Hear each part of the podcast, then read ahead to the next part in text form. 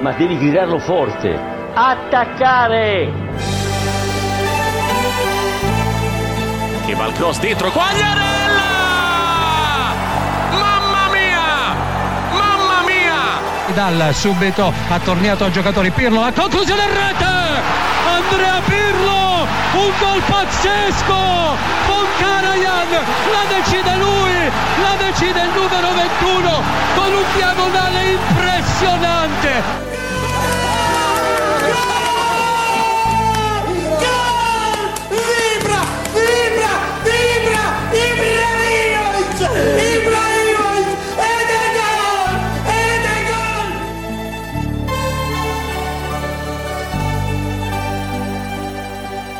Het is dinsdagmorgen 5 over 9, 26 oktober om eh, precies te zijn.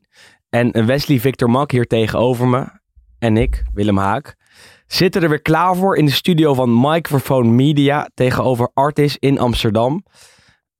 Om de Italiaanse week door te bespreken. Vorige week waren we er. Veel eh, onderwerpen gehad. Ja, het stelt nooit teleur, want dit weekend was er weer eh, veel te doen, hè Wes? Ja, het blijft leuk, hè? Het blijft altijd Maar, maar leuk. dat, dat, ik, ik, zat op, ik zat op de fiets vanochtend hier naartoe. En ik dacht, ja, dit is toch wel ook makkelijk voor ons om gewoon zo'n... Ja, wat is het iedere keer wat we vol willen? Anderhalf uur. Bijna anderhalf uur, om dat gewoon elke week te blijven doen bijna. Want het gebeurt nooit.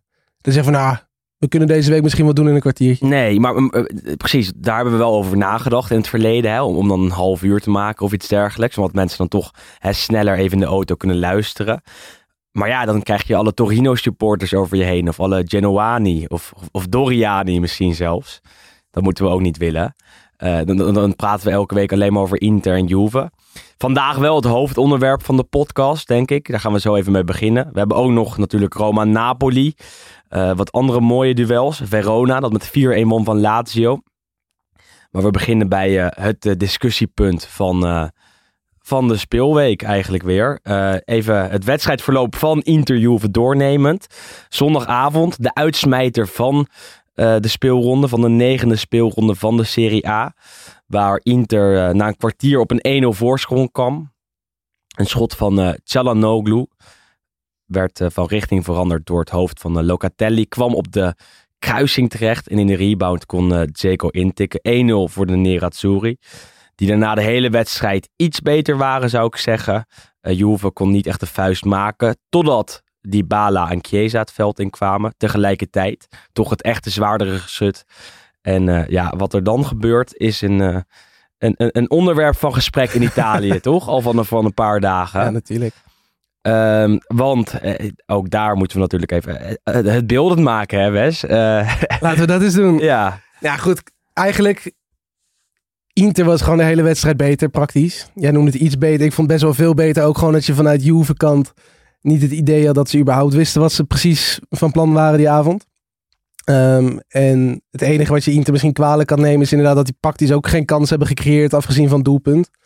Ehm, dus wat dat betreft was het misschien niet eh, ja, de leukste.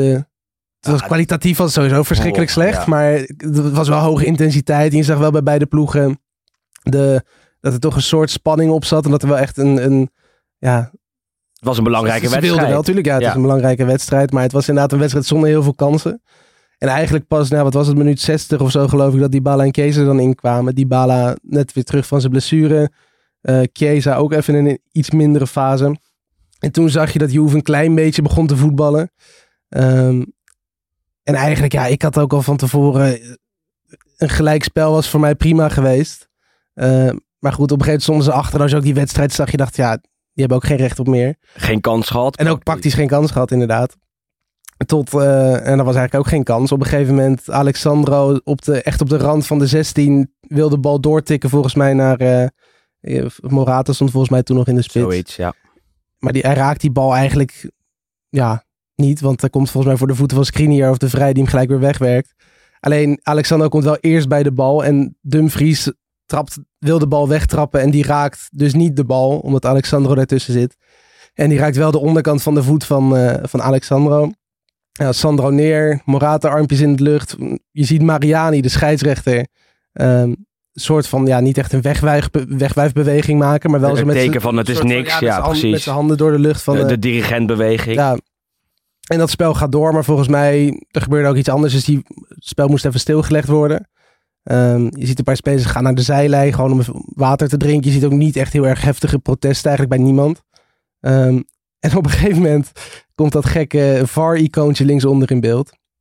En je ziet Mariani, zie je ja, de VAR-beweging maken. En dan denk je van, nou, er is toch iets gebeurd. En dan zie je de herhaling. En dan denk ik van, ja, tuurlijk. Alexandro is eerst bij die bal, wordt geraakt door Dumfries en dat is wat klungelig. Is het in de 16? Ja, het blijkt in de 16 te zijn. En dan is het een penalty. Maar ja, ik moet zelf zeggen, op het moment dat hij die VAR-beweging maakte, kreeg ik al een soort van een, ja, bijna een schaamtegevoel bijna. Niet alleen voor de penalty, maar ook gewoon dat je zo onterecht terug de wedstrijd in wordt geholpen. En op zo'n moment dat er, ondanks dat je ziet dat de scheidsrechter ja, een, die overtreding tussen aanstekens wel heeft gezien en er niks mee doet, alsnog wordt teruggeroepen door de VAR. En dan denk ik van ja, dat is volgens mij ook niet helemaal waar die VAR voor is bedoeld. Want volgens mij is het juist dat de, de videoscheidsrechter moet ingrijpen op het moment dat er dus zo'n clear en obvious error is. Dus dat de scheidsrechter iets gewoon echt niet heeft gezien. Want volgens mij is de regel, als een scheidsrechter in het veld wel heeft gezien en heeft beoordeeld en zegt van nou, het is niks. Tenzij het echt verschrikkelijk erg is. Ja, of Volgens mij verschrikkelijk moet je- echt clear en obvious. Oké, Ja. ik, ben, ik ben het helemaal met je eens. Ehm, En goed, uiteindelijk die ballen schieten binnen 1-1. ja. Juve mag echt opgelucht ademhalen, want het was echt een draak van een wedstrijd. En vervolgens start de discussie pas echt hè, op de sociale media, in de Italiaanse media, eh, in de praatprogramma's, eh, noem het allemaal maar op. Want eh, Inter vindt natuurlijk niet dat Juve die penalty had moeten hebben. En, en bij Juve zeggen ze, ja, of tenminste hè, rondom Juve, Toetersport schaakt en dan ook wel bij de krant uit Turijn. Die zeggen, ja, het is een penalty, want het is een overtreding. En puur spelregeltechnisch is dat ook zo natuurlijk. Want er, wordt een overtreding gemaakt in het 16 meter gebied, is een penalty. Ehm, waar ik zo moe van word, ehm, is dat, dat, nou dat zijn een paar dingen. Is dat het Juventus is? Nou, ook, maar ook, ook eh, dat elke keer als Inter Juve wordt gespeeld of vice versa, is er wel zo'n discussiepuntje. En eh, eh, dan heb je al snel het gevoel van, oh, daar gaan we weer, daar gaan we weer. Ja, dat, gevoel, nou- dat was ook precies, dat precies. soort van schaamtegevoel wat ik had. Want Oh, oh, ik, had weer, tweetje, oh, ik had het oh. tweetje met de felicitaties aan jou had ik al Ja. klaargezet. Ja. Want ik had die wedstrijd in de 70ste minuut had ik echt al opgegeven. En ik zit te kijken en ik, ik zat ook eh, Max Verstappen op mijn tweede schermpje op mijn telefoon. En je ziet het gebeuren. En, oh ja, daar gaan we weer. Ja, ja, ja, ja, het zal wel weer. Het zal wel weer. En, en dat gevoel krijg je al direct. Hè? Los van of je dan hebt gezien of niet. Dus op dat moment staat mijn eh, neutraliteit staat al met 5-0 achter. Want ik probeer al, ik- dat zweer ik. En ik, word, eh, ik ben interist, maar ik probeer dan wel, wel er objectief naar te kijken. Alleen je hebt dan wel het gevoel van, ach nee zeg. Het, het moet ook altijd zo gaan. En, en het gaat ook zo. Want dan kijk je en dan denk je, ja, is het nou een penalty of niet? En, en ik zal eerlijk zeggen, ik snap wel dat hij die penalty geeft. Want hij wordt naar het scherm geroepen. En dan moet hij een strafschop geven. Want het is een, Ja, goed, dan een moet hij in ieder geval- hij moet in overtreding. ieder geval gaan kijken. En dan, Exact. en dan zie je inderdaad die, wat jij zegt, die spelregeltechnische overtredingen. Alleen ik wacht erop op het moment in de, de komende speelrondes. eh, Of eh, de paar momenten dat, dat dit gaat gebeuren. Dat eh, dit ook gaat gebeuren. Dat ook de, de scheids bij een hele lichte overtreding eh, naar het scherm wordt geroepen. Want vorige week hebben we uh, Cepitelli op Caputo gehad. Scheids niet naar het scherm. Het was echt een zwaardere overtreding dan dit. Het was eh, eh, eh, meer hangen. Misschien niet vergelijkbaar eh, in geen enkel opzicht. Ehm, maar, maar hierbij denk ik, ja jongens, het, het, het is wel heel licht om Mariani, de, de, arbiter die er op 10 meter van stond en het duidelijk zag, hiervoor naar het scherm te Ja, maar dat is het vooral. En ik denk dat dat gewoon een vreemde beslissing is geweest. Dus is het een tweeledige discussie weer. En vervolgens uh, lees Ja, goed, kijk, het, is dit- een overtreding, het is, het, het- dan is er een penalty. Dat, dat, dat is heel erg feitelijk is dat zo. Maar dan ben je een, een, een, een, ehm, een, een, een ambtenaar-achtige scheidsrechter. Ja, goed, kijk, een overtreding. Dus met alle respect. Ja, hè. tuurlijk, nee, dat, dat klopt hoor. Nee, een overtreding. Dit, dit is inderdaad een overtreding. Maar ja, wat jij zegt, de scheidsrechter beoordeelt het in het veld. Dan is het voor mij ook gewoon klaar. En is ik, een had beetje echt, met- ik had er ook echt 100% mee kunnen leven als hij erop... In, ja, hij staat letterlijk op 5 meter. Het is een beetje zoals in het verkeer. Als jij een keer eh, eh, eh, tegen de richting in moet rijden, dat er dan een mannetje staat van, eh, eh, eh, van, de, van de handhaving. Oh, je rijdt tegen het verkeer in, eh, je krijgt een dikke boete. Terwijl daar moet, want je kan de andere kant niet op, zeg maar. Dat, dat is een beetje eh, de vergelijking, snap je? je? Nou ja, dat is echt een slechte vergelijking. Nog niet zo lang je je hè? Nee, anderhalf jaar. Maar de vergelijking die ik probeer, probeer te maken is dat er alsof er iemand bij het stoplicht staat. En, en eh, bij elke keer dat iemand even snel door rood loopt, een boete, een boete geeft. Ja. Dat gevoel krijg ik een beetje bij. Van, oh, ik zit op te wachten totdat er een overtreding maar het wordt is gemaakt en ik, ik, ik roep hem er naartoe. Je hebt natuurlijk echt van die regelmensjes. Dat bedoel ik. En, en, en scheidsrechters eh, in Italië zijn... Horen dat op zich ook wel zo. deels te zijn. Maar horen dat ook zo te zijn, want daarvoor zijn ze er. Alleen eh, in, het, in, in de spirit van het Italiaanse spel van, van, van dit seizoen, hè, van de regels die, die zo worden gehandhaafd, vind ik dat het heel snel is, is geconcludeerd door de VAR om, om hem. eh, om Mariani naar het scherm te roepen. Maar goed, ja, hij, doet het wel en dan is het altijd de penalty. Eh, alleen wacht ik er dan op, op, de, op de, dat ze dit consequent gaan doen de komende speelrondes. En dat hebben ze tot nu toe niet gedaan. Eh, en, en dat gaan ze ook niet doen. Dat weet je nu al. En dan ga je weer discussies krijgen. En we beginnen de podcast wel leuk, maar dat is altijd leuk. Maar, het is ik echt zie- niet ja, altijd leuk hoor. Het is echt niet altijd leuk. Want ik zit dan te kijken en ik word er zo, ik word er zo zagrijnig van. Ook Ja, maar je wordt er ook gewoon een beetje moe van. Ook omdat Ja, je weet ook gewoon dat... Ja, zeker in zo'n topper. En zeker natuurlijk als Juventus erbij betrokken is. Want dat is natuurlijk altijd het makkelijkste eh, doelwit, zeg maar. Ehm, ondanks, ik wil niet in de slachtofferrol kruipen hoor. Maar goed, Juve is natuurlijk gewoon historisch gezien de ploeg. Maakt niet uit wat er gebeurt. Het is altijd is het, eh, is het verkeerd. maar die ook wel het vaakst bevoordeeld worden. Ja, maar dat is ook, het, denk ik, oprecht een gevoel. Want ik denk dat je heel makkelijk, en dat, goed, dat kunnen we nu niet doen, want we zijn nu negen wedstrijden bezig. Maar als je ook kijkt naar vorig seizoen. Je hebt natuurlijk nog steeds dat er vanuit Milan het Interhoek wordt. En dan bijvoorbeeld naar die penalty vorige keer bij Juve Inter. Dat, dat Quadrado op Perisic gaat staan. Was dat ook schandalig. Dat, was ook geen penalty. Ehm, dat was dat- schandalig. maar goed, dat, dat, daar op, op wordt gewezen. Maar goed, ik denk dat Juve ook 10, 15 andere momenten had in zo'n seizoen. die dan ook anders uitgelegd kunnen worden. Dus het, het, het vertekent gewoon En een beetje dat het Juventus zijn, is. Eh, in Italië, kijk, dit was een, een geval op zich, die staat, staat er los van. Maar in Italië zijn ze ook wel op zoek naar polemiek. Nee, in de aanloop naar Inter Juve wordt elke keer dat moment uit 1998 Ja, goed, tevoorschijn hè? getoverd. Dat is Ja, 23 jaar op jouw geleden. Twitter toch ook, Op mijn? Twitter ook. Eh, eh, omdat ik er ook van geniet. En ik vind het ook mooi. En dat is nog de mooie aanloop.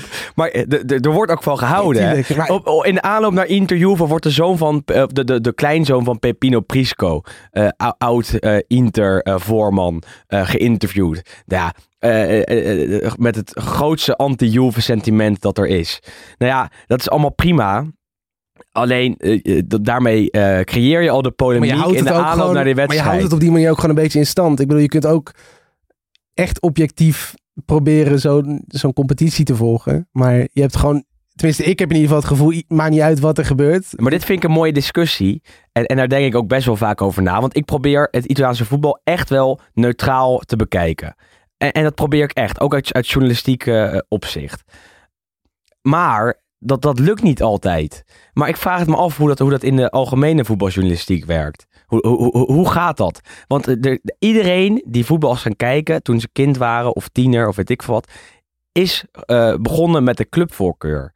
Maar heb je er dan totaal uitgebannen op een gegeven moment dat je totaal neutraal bent? Of eh, zeg je dat gewoon niet? Want dat zijn twee verschillende dingen. En, en wij zijn hier open dat jij Juventino bent. Ik ben Interista. Dat is ook helemaal niks om, om je voor te schamen. Misschien bij jou een klein beetje. Ehm, Niemand is perfect. maar eh, het maakt het wel heel moeilijk af en toe. Want dan heb je weer een discussie over dit moment. En ook vorige week met, met, met Juve Roma. Goed, en ik zit Er hier gewoon al- te, te, te praten uit Juve-oogpunt. Ja, maar het komt ja. altijd, altijd komt het, eh, het verwijt. Ah, maar jij bent Interisa, dus je mag er niks van vinden. Maar dat is zo'n dooddoener. Want je probeert er echt wel, tenminste als ik voor mezelf spreek, eh, neutraal naar te kijken. Dat hoeft niet altijd, want eh, over twee weken sta ik ook gewoon bij Milan Inter keihard in mijn Intershirt te juichen als ze scoren. Maar, maar elke dinsdag, in ieder geval voor anderhalf uur. ehm doen, Proberen we objectief te zijn. Exact, exact. En dat lukt natuurlijk niet altijd. En daarom is het ook moeilijk bij zo'n moment, vind ik, met Alexandro en eh, Dumfries. Over Dumfries komen we zo nog even te spreken. eh, om wat helemaal objectief en niet gekleurd eh, te eh, bekijken. Maar dat lukte Gazzetta ook niet. Dat lukte de Maar goed, toetersport dat ook lukt niet. toch niemand? Ik bedoel, ik kan ook echt wel zien dat de penalty licht is. Maar ik sta alsnog sta ik wel met mijn handjes Ja, omhoog als die bal Dus het is altijd moeilijk. Dus altijd hou je het effect van, ja, nee, maar jij, jij, jij, jij hebt eh, een, eh, een zwart-wit shirt aan. Eh, Wit-zwart in dat geval. Maar goed. Ja, goed, en een van de dingen wat natuurlijk wel... Tenminste, dat, daar denk ik dan ook over na op dat soort momenten. Van in hoeverre kun je dus zo'n beslissing die vanuit de VAR-kamer wordt genomen... ook dan op, of tenminste aan Juventus wijten. Nee, ik kan het niet aan nee, natuurlijk, maar maar, dat- het is, dat is het gevoel wel- dat mij wel bekruipt Nee, op zo'n moment. maar dat is, dat, natuurlijk wel komisch. Dat, Het is het sentiment. Het is, het is altijd Juve. En dat, dat, dat is Ja. mijn gevoel dat ik heb, heb ik wel. Want het is natuurlijk, maar de ik- afgelopen ja, jaren bij Inter Juve en, en vice versa is het altijd Juve. Met Quadrado, met, met, met, met eh, Pjanic, met, met dit weer. En, en dit schaak ik niet in dat rijtje, want dat, dat vind ik niet eh, eh, zo'n schandaal.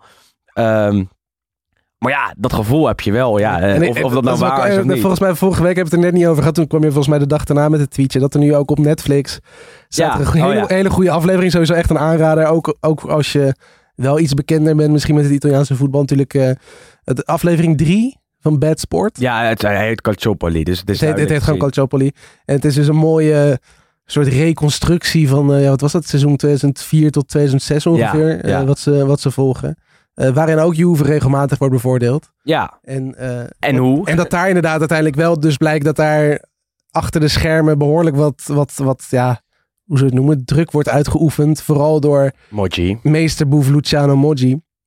En dat is wel mooi aan deze, aan deze eh, ja, mini-docu eigenlijk, dat Luciano Moggi uiteindelijk zelf ook nog even aan het woord komt. En dat hij daar ook gewoon zit als een soort maffiabaas. Maar die vindt dat En hij niks die vindt nog steeds dat hij niks verkeerd heeft gedaan. En dat is gewoon natuurlijk puur gestoeld op het feit dat dat hele proces heeft zo lang geduurd dat uiteindelijk, eh, wat is het, dat alle feiten zijn eh, vergaan, of hoe zeg je dat ook alweer? Ja, de, gedateerd. Gedateerd zijn. Maar, maar Wes, Dus hij zegt gewoon van ja, ik ben niet veroordeeld, dus ik ben onschuldig. Ja goed, zo werkt het natuurlijk niet helemaal. Wes En dat is verschrikkelijk om naar, om naar te kijken. Ook als, vooral denk ik als maar Juventus dat is, het, dat is het hele probleem. Maar het is, een Want- pracht, het, is, het is wel een leuke eh, docu. Het, het is een superleuke docu, maar, maar mijn probleem daarmee is dat, dat Juve nog steeds zegt dat ze 38 keer kampioen zijn geworden. Ehm, eh, nog steeds gaan ze eh, in, in beroep tegen die uitspraken dat die titels zijn afgenomen. Nat- natuurlijk eh, zorgt dat voor vrevel. en Natuurlijk, voor, maar dat is juist... op, man. dat- dat- Je- je ja, hebt- tuurlijk, je- je- dat- de, feiten spreken voor zich. Er is druk uitgeoefend en, en daardoor ben je toen twee keer kampioen geworden achter elkaar. Eh, eh, waarschijnlijk is dat in een langere tijdspanne eh, eh, zo geweest. Ehm, ehm, en, daar komt de hekel van veel mensen bij Juve vandaan. En, En en, natuurlijk ook nog historischer. eh, maar van mensen van onze generatie die eh, eigenlijk nog iets ouder, want wij, wij waren toen ook nog jong. eh, ben je opgegroeid met, met dat schandaal en dat Juve naar de Serie B werd teruggezet. Dat, dat zorgde voor veel woede in Turijn. Maar ja, het bewijs lag er. Het bewijs is er. En, en, en, en dat is het grote schandaal in het Italiaanse Ja, voetbalveld. Of, of nou, niet eens op het veld, maar van de, van de afgelopen... En goed, en hetgene wat Moggi daar zegt is van Juve is daar eh, onevenredig gestraft. Of onevenredig zwaar gestraft. Omdat hij zegt, of tenminste hij beweert daar in ieder geval. eh, en dan moet je natuurlijk ook met een flinke, hele flinke korrel zout, zout nemen. Dat hij niet de enige is die zo met scheidsrechters omging.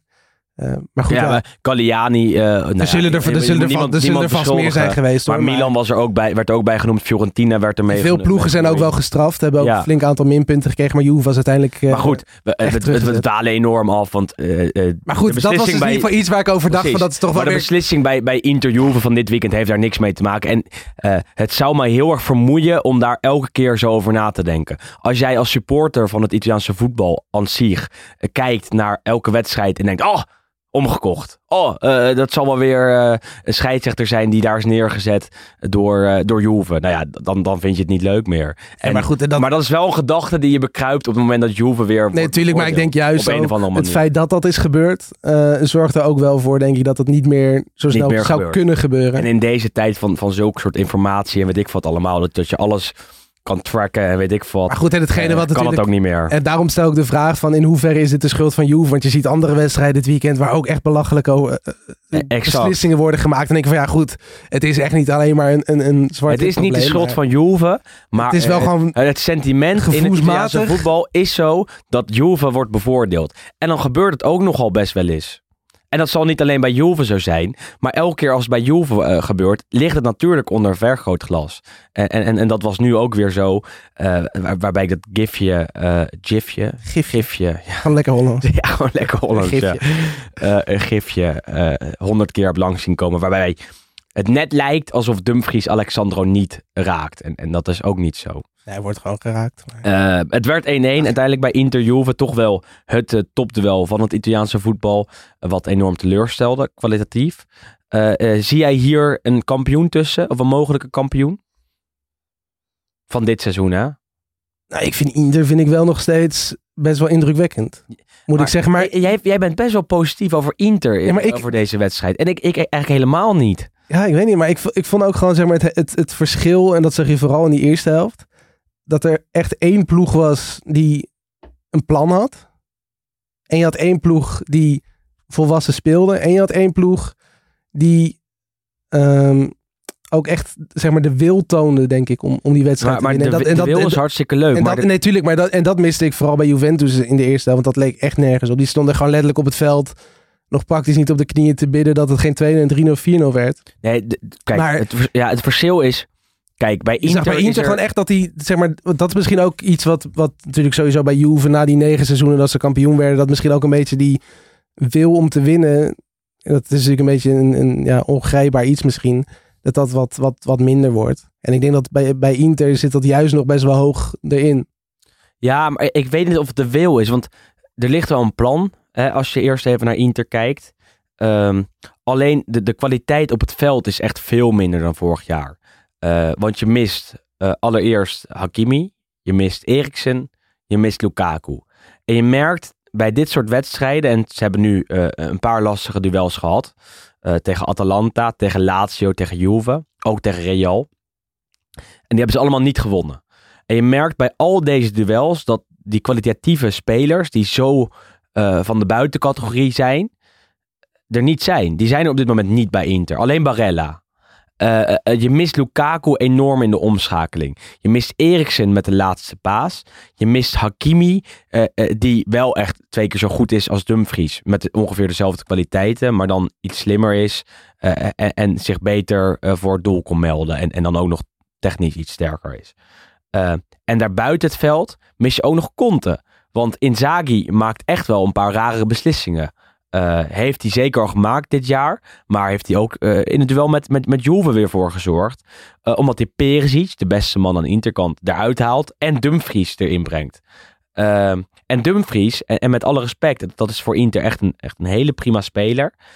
is nog niet tactisch zover dat hij in een duel met Juve verdedigend zijn mannetje kan staan en, en betrouwbaar is. Inzaghi besluit wel zo te wisselen. Darmian naar links te halen. Dumfries op rechts te zetten. En ja, eh, Dumfries veroorzaakt een penalty. Terwijl hij ook midweeks tegen Sheriff eh, niet fantastisch is geweest. En in andere topduels is ingevallen. En daar ook niet eh, verdedigend betrouwbaar was. En, en dat zijn telkens van die schakeltjes waarbij je wel kan zeggen... Oké, Inter is nog goed. Inter kan kampioen worden. Maar Inter haalt niet de, de, de, de, de maximale... eh, eh, of het maximale eruit zoals ze dat vorig jaar wel deden. Eh, en, dat zie ik echt als een heel groot verschil. Want in de counter ben je zoveel zwakker eh, het, dan, dan vorig seizoen.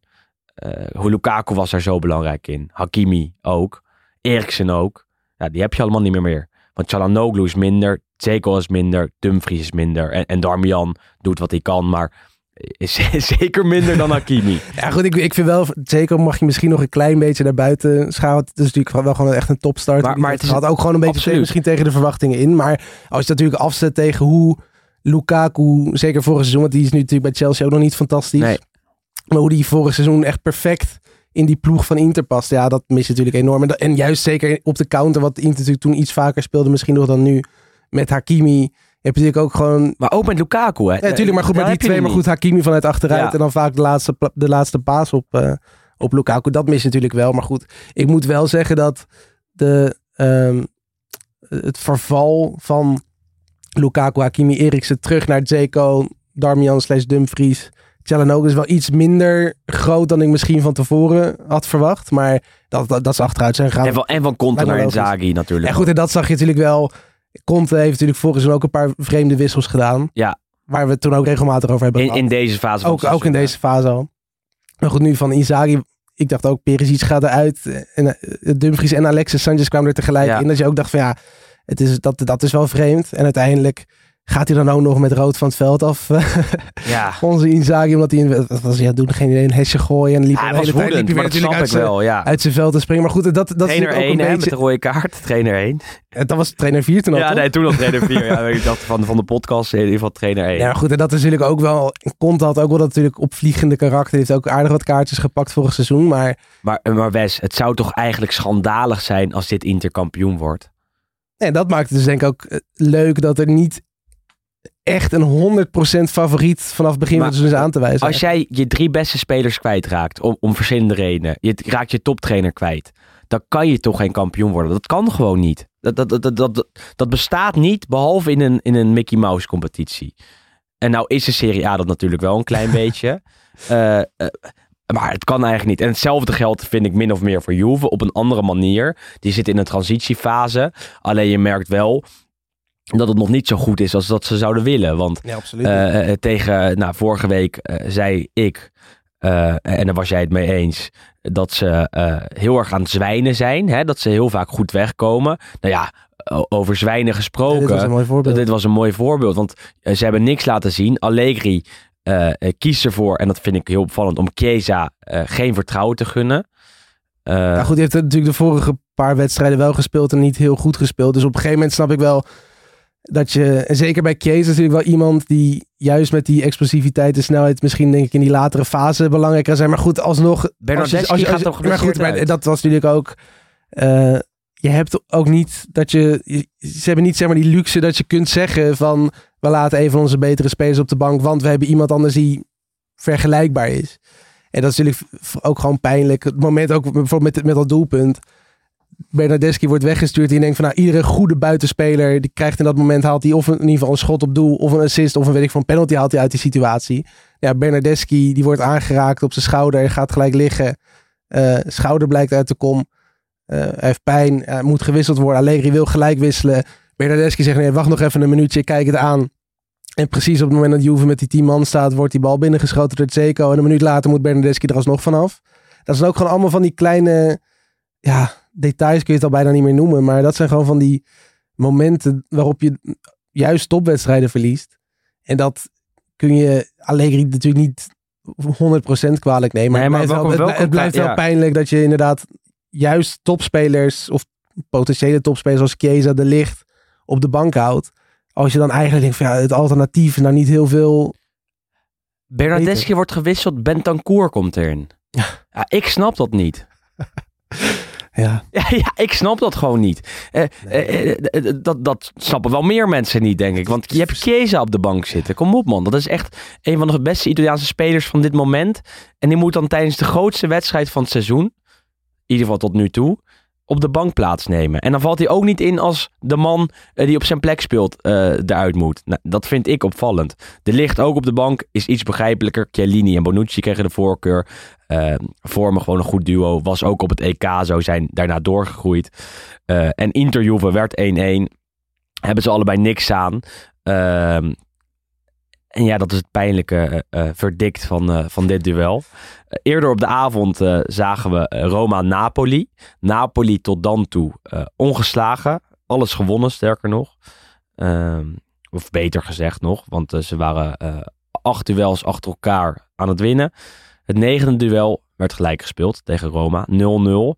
Napoli wel de hele wedstrijd iets beter, veel kansen gehad. eh, raakte de paal voor open doel. Ehm, wat andere momentjes. Ehm, Roma ook gevaarlijk geweest. Roma ook gevaarlijk geweest, wel iets minder zou ik Het had zeggen. wel beide kanten op kunnen vallen. Ja, absoluut. De kopbal van Mancini had er absoluut ingemoeten eh, in minuut 74 of zo. Eh, die kopte die echt eh, vrij naast. Eh, uiteindelijk bleef het dus 0-0. Opvallend daar waren een paar momenten. Want Mourinho was de hele wedstrijd aan het zeuren bij de scheidsrechter. Wacht het niet, hè? Maar ik vroeg me af waarom. Goed. Maar dat is denk ik ook gewoon deels weer een beetje die Mourinho-show.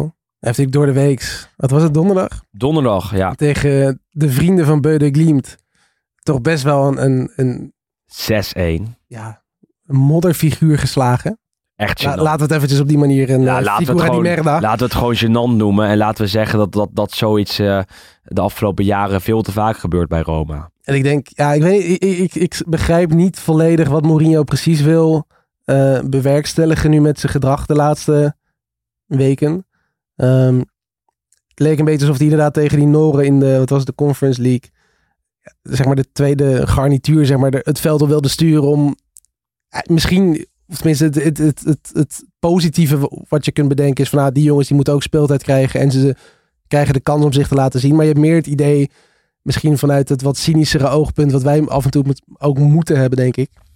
Dat Mourinho die er gewoon op zet om aan te geven, nou, wat die achter de basis zit, is gewoon verschrikkelijk. Maar zo en daar moet verandering in komen. niet? En dat is natuurlijk wel vreemd, want het zijn ook, de, tenminste de meeste zijn ook gewoon spelers die afgelopen zomer of ja, afgelopen winter zijn gehaald. Dus, Nou, en die afgelopen jaar de halve finale van de nee, Europa precies, League hebben gehaald. En, dus het, is en- echt niet, het is echt niet slecht, maar ja, Dan ligt het toch meer eraan ook nog op dat je ze niet kan motiveren. Want ik heb Ja, die, basis, dat basiselftal eh, voor me tegen Beude Glimt. Zeg je dat zo? Ja, weet ik veel op zijn eh, eh, het beste Scandinavisch. Maar Majoral vorig jaar best vaak in de, in de basis. El Sharawi, eigenlijk gewoon international. VR, Perez, Diawara. Eh Calafiori is een groot talent. Ibanez, eh, dit jaar nog vaak gespeeld, speelt vaak. Rui Patricio speelt alles als keeper. En Zo'n slecht elftal is dat echt niet. Dan kan je niet met droge ogen na zo'n wedstrijd zeggen... dat er minder kwaliteit op het veld Dat, staat. dat, dan Beude Glim. Dat kan gewoon niet. En ehm, nou, ik- kan me daar gewoon met mijn hoofd niet, niet op die manier bij. Hij wil iets bewerkstelligen. Ze hebben bijna 100 miljoen uitgegeven afgelopen zomer. Eh, dan ben je gewoon een verwende trainer. Ja, tuurlijk. En hetgene wat hij gelijk na afloop zei was ehm, dat dit dan wel aantoonde hoe slecht de club was geleid. En dat er heel veel zakenwaarnemers heel veel geld in hun zak hadden gestopt. En directeuren die zijn vertrokken. Het is meer een teken dat hij... Het is, het is echt een soort theaterstukje Ja, eh, om- om, iets voor elkaar te krijgen. ja, en hij, ja. kan ze dus niet motiveren. Dat, dat, dat, dat, Nee, tuurlijk, de, nee. de, de, tweede, de tweede garnituur. De eerste garnituur lukt, het, hem- lukt hem wel, want we spelen ook 0-0 tegen Napoli, wat een knappe prestatie En dat is is. prima. En dan goed, hij zegt dan net voor die wedstrijd tegen Napoli. Heeft hij het erover, ja, I'm not an asshole. Nou, dat is hij natuurlijk wel. Het is hij natuurlijk wel. En het is gewoon allemaal een soort, eh, ja... Als het, als voelt, het voelt een beetje als, als, zeg maar, als jij bij je baas gaat zitten en je gaat een beetje zo'n zeikverhaal afhouden en een beetje janken van, oh, ik heb, oh, ik heb het zo zwaar, Ja. mag, ik, eh, mag ik opslag? Zo voelt het een beetje. Maar, maar als de eh driekwart van de voetbalwereld jou een asshole vindt, ben je dan een asshole of niet? Ja, nou ja, dan, dan, dan, dan komt het al dicht Het getuigt kan van ik weinig zelfkennis Ja, exact, eh, exact. en goed, en En- tijdens die en- wedstrijd gaat hij ook gewoon lekker door, want dan is er iedere keer een cynisch Ja. applausje daar, duimpje daar, zeik op de scheids daar, dan weer een keer in het gras trappen, dan weer een keer boos worden op een ingooi die niet aan jou wordt De hele gegeven. tijd met Insigne was hij aan het, aan het, aan het, aan het klootviolen. Eh, dat is misschien ook juist ook heel raar. misschien een beetje ja, ook ja, om, om die schijnwerpers nog wat langer op zich gericht te krijgen. En iets minder misschien weer op het, op het, op het team. Geen idee wat daar. Er zal, vast ook weer een idee achter zitten hoor, neem ik aan. Nou, er was ook een andere man die de schijnwerpers op zich eh, gericht had. Eigenlijk twee zelfs, want eh, dat wa- was allereerst eh, Napoli-trainer Luciano Spalletti. Die na afloop van de wedstrijd naar de scheidsrechter loopt. Ik ben Massa, Davide Massa. Om hem nou ja, te feliciteren met zijn goede prestatie. Feliciteren tussen aanhalingstekens. Ehm, want dan geeft hem een cynisch applausje. Of, of cynisch is ook al tussen aanhalingstekens, want daar is nog wat twijfel over. Ja, je geeft hem in ieder geval een applausje.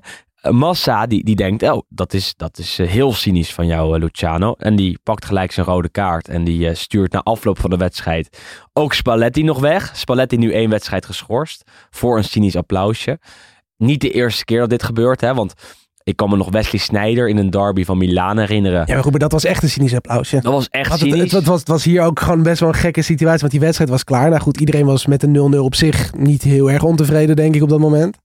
En Massa wil volgens mij naar de kleedkamer lopen. En je ziet Spalletti dus inderdaad drie keer roept hij Davide, Davide, Davide. ja. Dat die scheidsrechter het ziet, dan geeft hij een applausje van hey, buon fatto, weet ik veel, buona partita, Ja. wat hij zegt. en dan krijgt hij rood, maar ik vroeg me echt, op, ik, ik, nog steeds, ik vraag me echt oprecht af of hij het, het of het niet, slecht hoor. bedoelde, want ik denk het namelijk niet per se. Nee. Het was Ik- nou niet dat hij slecht floot. En- Nou, eh, eh, Ja. kijk, het punt is vanuit Napoli opzicht was er toen ook wat discussie al. Hè? Tenminste al wat, wat, eh, wat oproer geweest. Want Anguissa werd in minuut, nou, weet je de minuut nog uit je hoofd? Ja, ergens in de tweede helft gevloerd door Cristante van Roma. waarbij hij op zijn, op zijn hak staat. Eh scheidsrechter Massa die, die besluit niks te doen. En dan vordert ook niks. En daar was men bij, bij Napoli al boos om. Osimhen ook nog een keer gevloerd in de 16. Ook geen penalty. Ehm, en Abraham van Roma kreeg geen, gele, geen tweede gele kaart. Dus Napoli al een beetje aan het protesteren de hele tijd. Vervolgens komt Spalletti met een, met een cynisch applausje, of niet. Eh, dus ik kan me voorstellen dat de scheidsrechter dan denkt... ja, je geeft me een cynisch applausje eh, rood. Want in Italië is dat rood. in Nederland niet. González van Fiorentina deed het eerder dit jaar ook tegen Inter. Dat was al helemaal heel cynisch. Volgens mij bijna bij dezelfde scheidsrechter. weet Ja, dat zou wel kunnen inderdaad. ja. Ehm. maar goed, dat, dit waren dus in ieder geval trainer 2 en 3 die er dit weekend af, af Ja. werden gestuurd. Ja. En dat is ook wel gewoon iets wat mij enorm frustreert. Dat je, je mag ook gewoon letterlijk niks zeggen voor je gevoel tegen zo'n scheidsrechter. Nee. Dat is, is natuurlijk in Nederland is dat eh, ook het geval met zo'n Bas Nijhuis bijvoorbeeld. Het is gewoon iedere keer, en dat, dat was toen volgens mij in dat interview, is dat Ralf Seuntjes geloof ik, tegen, Ja, eh, ja, maar tegenover dat, dat ESPN. kon hij ook niet zeggen. Nee, goed, natuurlijk. Nee, maar ik bedoel, wat, wat hij zegt, zeg maar, in de basis klopt wel. En dat heb je in Italië ook het gevoel. Dat je, je kunt ook gewoon niks... Je mag ook gewoon niks meer zeggen tegen de scheidsrechter. Want als jij er naartoe loopt en je zegt er wat van, krijg je vaak gelijk geel. Als je, nou ja goed, applausje of weet ik veel wat, dat is natuurlijk ook niet, niet, heel slim om te doen. Maar je hebt gewoon echt het gevoel dat je, dat het soort, ja, volledig onafhankelijke, onaantastbare figuren zijn. Vond jij het te pingel trouwens? ook? En, en goed, en dat vind ik dus, zeg maar, het, als je dan nog goed fluit en als je ook Ja. gewoon echt alles volgens de regels en ook gewoon echt goed doet, kan ik daarin komen dat je zegt van nou, blijf gewoon echt van die scheidsrechter af en benader me ook gewoon helemaal niet. Alleen als scheidsrechters, dus degene die ja, de autoriteit moeten zijn, ook fouten maken waarvan je ja, aan die autoriteit gaat twijfelen, dan vind ik wel van ja, je mag toch op een gegeven moment, moet, je moet toch ook gewoon wel commentaar kunnen leveren. En dat, Ja, en, en dat zag je bij heel veel wedstrijden. Ze, ze Ja. komen ook niet na afloop voor de camera. Nee, precies. en- en maar, je, kunt, nee, maar dat is, dat is je kunt gewoon, je, ja, er is geen enkele mogelijkheid tot contact met die Het mensen. enige eh, statement dat er vanuit de scheidsrechters komt, is eh gisteren gekomen, naar buiten gekomen, gepubliceerd, noem het allemaal maar op. Eh, Gianluca Rocchi, de, de scheidsrechtersbaas, die zei: Ja, we hebben fantastisch gefloten dit weekend. Ik ben heel erg tevreden over de beslissingen bij zowel Inter Juve als eh, Roma-Napoli. Eh, wa- want er was nogal wat discussie eh, over. Alleen, ik snap dat niet zo goed. Eh, want als jij er blij mee bent dat de scheidsrechter een penalty geeft bij Inter Juve, dan moet je er niet blij mee zijn dat de scheidsrechter geen penalty geeft bij Roma-Napoli, bij het moment van Anguissa. Want als jij besluit dat er een Moviola op het veld komt, wat dus eh, het, het inzoomen op momenten eh, is, eh, en dat, dat, dat, dat goed bekijken, dan vind jij als scheidsrechtersbaas of als scheidsrechter zelf dat het allebei een penalty moet zijn. Denk ik. Eh, en, en- hier is niet consequent gefloten. Dan kan, je niet met droge ogen naar buiten komen als scheidsrechtersbaas en zeggen: Oh, fantastisch gefloten allemaal. Ik ben zeer tevreden. Dit en dat en zus en zo. En dat is natuurlijk ook gewoon het, het, het vreemde van het gebrek aan die ehm, communicatie en zichtbaarheid. Dat zo- zo'n scheidsrechtersbaas moet toch ook meekrijgen hoe het land opnieuw in rep en roer staat. Ja. En, en als je weet van het moment waar over wordt gesproken is dat die Mariani bij Inter Juve dus de situatie inschat en niks geeft en uiteindelijk hem toch geeft. Ja, Waarom zeg je daar dan niet gewoon wat over? Zeg dan gewoon, wat doen ze niet? Mariani had- dacht dat hij het had gezien, maar wilde niet fluiten, want had het contact niet gezien. Wij zagen bij de VAR wel. Mariani heeft toen gekeken, zag zijn fout tussen aanstekens in. En hij geeft hem alsnog. Alleen maar zoiets simpels helpt ook gewoon ook. Of dat hij zelf voor de kamer komt, Mariani, Maar goed, of in dit geval Massa. Dat, dat, dat mag dan niet na zo'n wedstrijd. nee, maar dat snap ik. Maar dat voortaan. Ja, maar goed, het, is- gaat, het gaat veel over de En goed, en het ding is, en, en, en dat, dat frustreert gewoon, want je ziet dat bij alle wedstrijden. Op een gegeven moment was dus ook bij, eh, bij die wedstrijd van, van Bologna, daar gaan we dan nu naartoe. M- eh, Bologna-Milan. Ook, het was volgens mij bij de rust. Je ziet, de scheidsrechter komt het veld af. Sinisa Mihailovic, trainer van Bologna, met een glimlach loopt hij daar gewoon even naartoe. Zegt één woord. Scheidsrechter gaat gelijk stilstaan, alsof hij het niet hoort. En die, die eist gewoon bijna praktisch dat Mihailovic doorloopt die tunnel in. En hij blijft er zo heel, ja, een beetje arrogant blijft hij dan bij die cornervlag wachten. Totdat iedereen van Bologna en Milan naar binnen zijn. Ik vond, je, je- er is gewoon geen enkele mogelijkheid voor je gevoel om... Het is heel erg autoritair. Ja, het is- maar ja, dat is Italië natuurlijk Natuurlijk, ook. maar... Als jij in Nederland een boete krijgt, kan je nog een discussie aangaan met de politieagent. Als jij dat in Italië doet, is er van de discussie geen sprake, dan krijg je die bon gewoon. Hetzelfde is op het veld. Als jij van de scheidsrechter een prent krijgt, is er geen sprake van een enkele discussie. Terwijl je met Bas Nijhuis natuurlijk linksom of rechtsom af en toe nog wel een praatje kan maken. En dat is bij, bij, bij de Italiaanse scheidsrechters echt, eh, eh, daar is gewoon echt geen sprake van. Kijk naar Orsato, de Ja, allerergste kijk naar iedereen. Ja, Kijk naar allemaal. Nee, ja, precies. Zo is het dus. De, er is geen sprake van discussie. Ze willen autoriteit uitschalen. En dat, nou, dat lukt ze niet altijd. Want ik vind het bijna allemaal sukkeltjes. Ja, goed. En wat En ik zeg, ja. kijk, het is prima als je autoriteit uit wil stralen en de juiste beslissingen maakt. Daar heb je er, kun, je er veel, kun je er ook gewoon letterlijk objectief veel minder kritiek op hebben. Maar als je elke week fouten maakt en iedereen ziet dat en niemand veroordeelt het, zeg maar, vanuit de En scheidsrechter. maar zeg dat je het zelf ja. goed doet. Hè? Of laat zeggen door je, door je bewindsman. En Rocky is natuurlijk niet de voorman, maar wel de, de, de spokesman van de scheidsrechters. Dus die, eh, die treedt naar buiten als het moet. Dat is al iets wat we krijgen. Alleen wat ik heel graag zou willen zien is dat, dat zo'n Massa en, en Mariani zelf eh, uitleggen wat hun heeft eh, doen besluiten om daar ofwel een penalty te geven of niet. Roma-Napoli werd 0-0. Eh, verder eh, weinig noemenswaardig. Goede sfeer in het Olympico wel, ondanks eh, de midweekse nederlaag tegen Beude Glimt. Gewoon een uitverkocht huis. En dat vind ik wel, wel hartstikke mooi om te zien. Dat het ondanks de, de, de wisselvallige prestaties wel echt enorm blijft leven bij de Giallo Rossi. We gaan inderdaad door, want Bologna-Milan was op zaterdagavond een absoluut prachtig duel. Milan kwam snel op eh, 0-2 voor. Eh, ja, dan komt Bologna met, met, met, nou, zelfs nog na de 0-1 was het al, met 10 man te staan. Maakt eh, Calabria de 0-2. Eh, en met 10 man komt Bologna nog terug tot 2-2. Indrukwekkend, knap. Het lukt niet iedereen tegen, tegen 11 man van Milan als je met z'n tienen staat. Het lukte Bologna wel. En ze waren eigenlijk ook gewoon de hele wedstrijd beter. Ja, aanv- aanvallend beter, Want de, meer eerste, kansen. de enige twee kansen voor mijn gevoel van Milan in de eerste helft gingen er allebei in. Terwijl Bologna ja, eigenlijk het betere van het spel had. Veel overtuigender was. eigen goal van Ibra en een goal van Barrow. In drie minuten tijdsbestek eh, ging het dus van 0-2 naar 2-2. Uiteindelijk krijgt ook nog Soriano een rode kaart. Enorm terecht. Was er zelf heel ontevreden over. Maar die staat gewoon vol op het been van een Milan-speler. Eh, wordt na raadpleging van de VAR van het veld gestuurd. Nee? Ja, nee? ja goed, maar ik vind dit... Tuurlijk, ik snap dat die rode kaart wordt gegeven voor 100%. Want als je hem inderdaad in die slow motion ziet, zie je dat het die, zijn been halverwege Ja. die kuit wordt geplant. Maar ik vind dit wel... Je ziet dit heel veel van die eh, pogingen tot een schot blokken of een voorzet blokken. Als jij een schot of een voorzet wil blokken, tuurlijk gaat jouw been dan omhoog. En het is vooral de doorzwaai, zeg maar, die Ja. het maakt. En dat is niet... De, ik weet de 100% zeker dat Soriano niet dacht, ik ga hier die Ballo Touré even door midden trappen. Hij wil gewoon die bal... staat wel op zijn been. en dat, ja, ik, ik vind dat vind ik de lastigste rode kaarten, zeg maar. Want je ziet, dat, het, het, zeg maar, de consequentie van de actie ziet er heel gevaarlijk uit. Maar de intentie was 100% niet die intentie. Ehm Oh, ik vond het echt wel 100% de rode kaart. nee, tuurlijk, maar goed, maar dat is juist... Maar ja, ik weet niet. Ik, ik, vind dan toch, zeker bij een rode kaart, moet er ook een intentie achter zitten. Ook juist om een zware blessure te veroorzaken of echt iemand neer te trappen. Dat bij deze gevallen, dit zie je heel vaak natuurlijk, is dat niet, is dat niet de bedoeling. Maar goed, rode kaart. Rode kaart. uit- Staan met negen man en uiteindelijk werelddoelpunt van Benacer. Absoluut. Plaats hem heerlijk eh, in het hoekje met een volley. In de 84ste minuut duurde nog best lang tot ze de 2-3 maakten. En uiteindelijk maakt ook Ibra nog een, eh, een hele mooie goal in het goede doel. Want hij had al een eigen goal op zijn naam staan. Maakte een assist. Ook, en een assist. Maakte nu eh, zelf een, een, een, een, een, een mooie goal. Goed schot van afstand. Eerste 40-jarige met een doelpunt sinds eh, Costa Curta. Dat is nog Jeetje. steeds de oudste ooit. Die, is, die was volgens mij toen 41 of Ja, 42. en Milan, even, Zlatan kan het echt nog gewoon.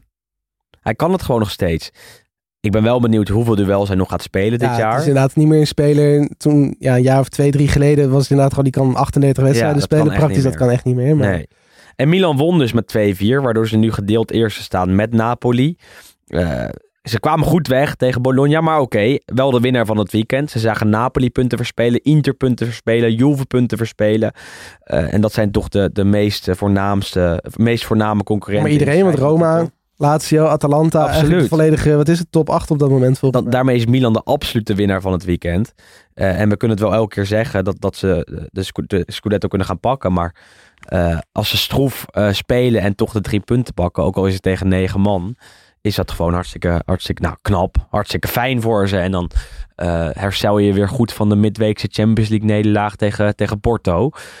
Ehm, 25 puntjes dus. Helemaal niks mis mee na negen duels. En stel ik voor dat we nog even de andere duels eh, allemaal eh, langs gaan. De andere potjes. We hebben Inter Juve gehad, Roma-Napoli. Maar Verona-Lazio was absoluut ook een, een spectaculaire wedstrijd. Ja, het is niet helemaal chronologisch hoe ik het doe. Nee, maar- Ik nee, had- maar niet ja, nee, want eh, dit was toch wel eh, heel opzienbarend wat hier gebeurde. Lazio vorige week nog gewonnen van eh, titel, eh, eh, jezus, van de landskampioen Inter. En titelfavoriet toch ook wel? Titel, Ja, titelkandidaat. Titelkandidaat Inter. Eh, altijd voorzichtig blijven. Want titelkandidaat Inter. en, en indrukwekkend toen ook gespeeld. Want eh, het was op zich wel een verdiende overwinning.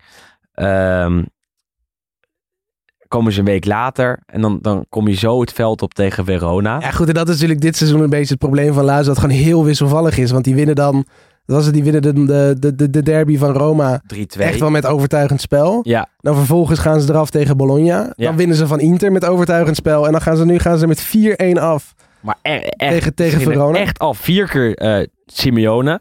Cholito. Solito, die eigenlijk nooit heel goed is in de Serie A. Behalve sommige potjes. Elk seizoen wel een paar wedstrijden waarin hij wel eh, beslissend is. En nou, dit was er één van, want eh, hij maakte vier goals. De ene nog mooier dan de ander. Een paar spitse goals. Eén mooi, eh, ja, mooie dropkick, kan je dat zo noemen? Ja, de bal stuit erop en hij, hij, ramt hem erin. Ehm, en, en dan denk je, hè, dan staat het al 3-1. Dat ze bij Lazio wel doorhebben dat ze Simeone een keer moeten gaan dekken. Maar bij de 4-1 wordt hij weer niet gedekt. Echt totaal vrijstand, vrijstand kan hij inkoppen. Kreeg een mooie voorzet en hij, hij, hij, kopt hem langs Reina. Eh, ja, echt wel problematisch. Voor Lazio, voor Verona hartstikke fijn. Maar bij Lazio eh, heeft men toch wel wat twijfels. Want hoe kan dat nou?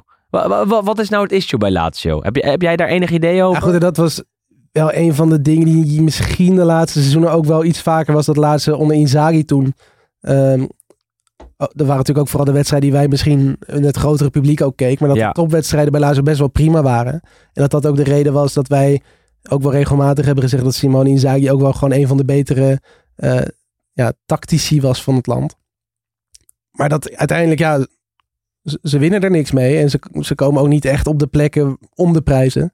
Ehm, en het is inderdaad vooral, en dat is in iets mindere mate bij Roma, ehm, of nou eigenlijk praktisch in dezelfde mate, alleen daar is het vaak andersom. Ehm, ja, veel te wisselvallig. En Roma vorig seizoen natuurlijk eigenlijk praktisch alle toppers verloren. Lazio wint dit seizoen dan tot nu toe de meeste toppers, maar die verliezen dan juist weer van de kleinere ploegen. Ehm, Echt een schandalige ja, prestatie. goed, dit was natuurlijk dit, goed, ja, spelen van het weekend. We moeten gewoon even laten we positief zijn over Verona. Ja, nee, dat, dat, ook hoor. Eh Simeone natuurlijk eh, top. Mooie historische dingen, want het is de tweede hat-trick. Nou goed, nu maakt hij er zelfs vier, maar de tweede keer dat hij minimaal drie keer scoort eh, in de Serie A. De vorige keer was ook tegen de ploeg van Sarri, ook tegen Pepe Reina en ook op de dag dat Inter Juve op het eh, programma stond. Dus dat is natuurlijk Namens Fiorentina. Statistici is dat altijd mooi. Ja, dat ben jij toch wel een klein beetje. toch- wel een Ja, beetje. ja, ja. De Maar- feitjes, man. Eh, en het is daar ehm, goed aan het gaan bij Verona. Al van trainer gewisseld, die Francesco snel de laan uitgestuurd. Eh, en onder Tudor draait het eigenlijk. Want ze, ze pakken punten, zien er echt niet uit als een degradatiekandidaat. Eh Barak is hartstikke goed, vind ik. Caprari is een mooie aanwinst. Eh, Simeone, nou, als hij gaat scoren, absoluut de eerste spits daar. Zeker omdat Kalinic en Lasagna het nog steeds niet goed doen. En inmiddels staat Verona gewoon elfde.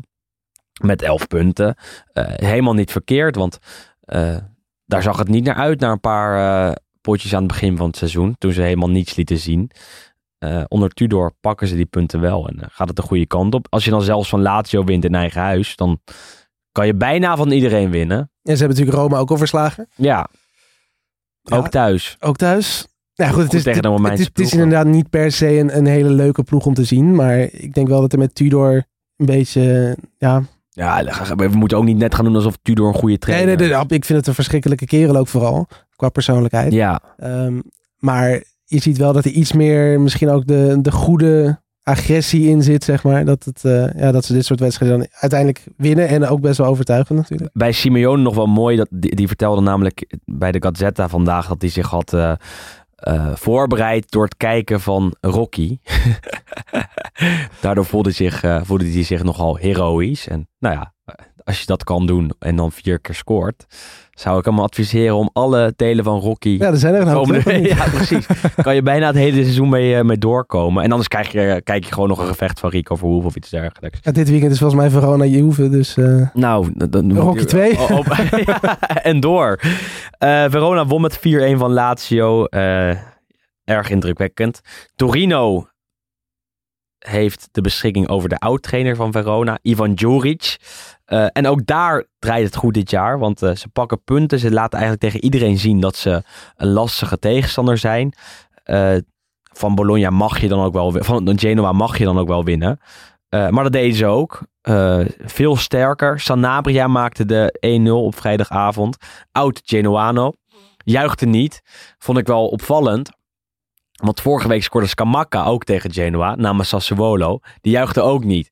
Eh, eh, toen dacht ik, ja, Genoa heeft ook gewoon fantastisch veel spitsen gehad hè, de afgelopen jaren. niet alleen spitsen, maar die... Ik denk oprecht dat er gewoon per seizoen iets van 40 of 45 spelers Ja. het, het Genoa-shirt dragen. Plus natuurlijk heel... Het is wel gewoon een van de grotere jeugdopleidingen ook van het land, dus dat helpt natuurlijk ook mee. Maar En die juichen allemaal niet als ze Ja, tegen Genoa het is wel komisch, hè? Ja, vond ik, vond ik erg grappig. Want de commentator zei, ja, natuurlijk juicht hij niet. Dacht ik, ja, hoezo ook weer? Hij heeft volgens mij eh, niet, Twin- eens, 20 minuten. Ja, niet, niet eens zoveel gespeeld bij Genoa, maar oké. Pobega maakte de 2-0 namens Torino. Interessante speler, hebben we vaker genoemd. Huren van Milan. Eh Destro 2-1. Hè, als we toch alle goals hebben langs gaan. Destro eh, met zijn vijfde goal in de afgelopen vijf duels. er wordt nu ook opeens in de Italiaanse ploeg geschreven door Ja, sommige... dat werd ook gevraagd op, eh, op eh, Instagram. Is Destro de oplossing voor het spitste probleem van de Azzurri? Ja, die vraag stel ik nu aan jou. Ja, Dat lijkt me niet. Ik word wel gelukkig van zijn vraag, moet ik heel eerlijk Ja, zeggen. tuurlijk. Nee, maar überhaupt het feit dat Destra weer een beetje in de picture komt is mooi. Want het is gewoon echt een leuke, leuke kerel. Ja. En eh, ja, een paar goede doelpunten. Zeker goede kopper. Vorige week een, eh, een hele mooie goal met zijn hoofd.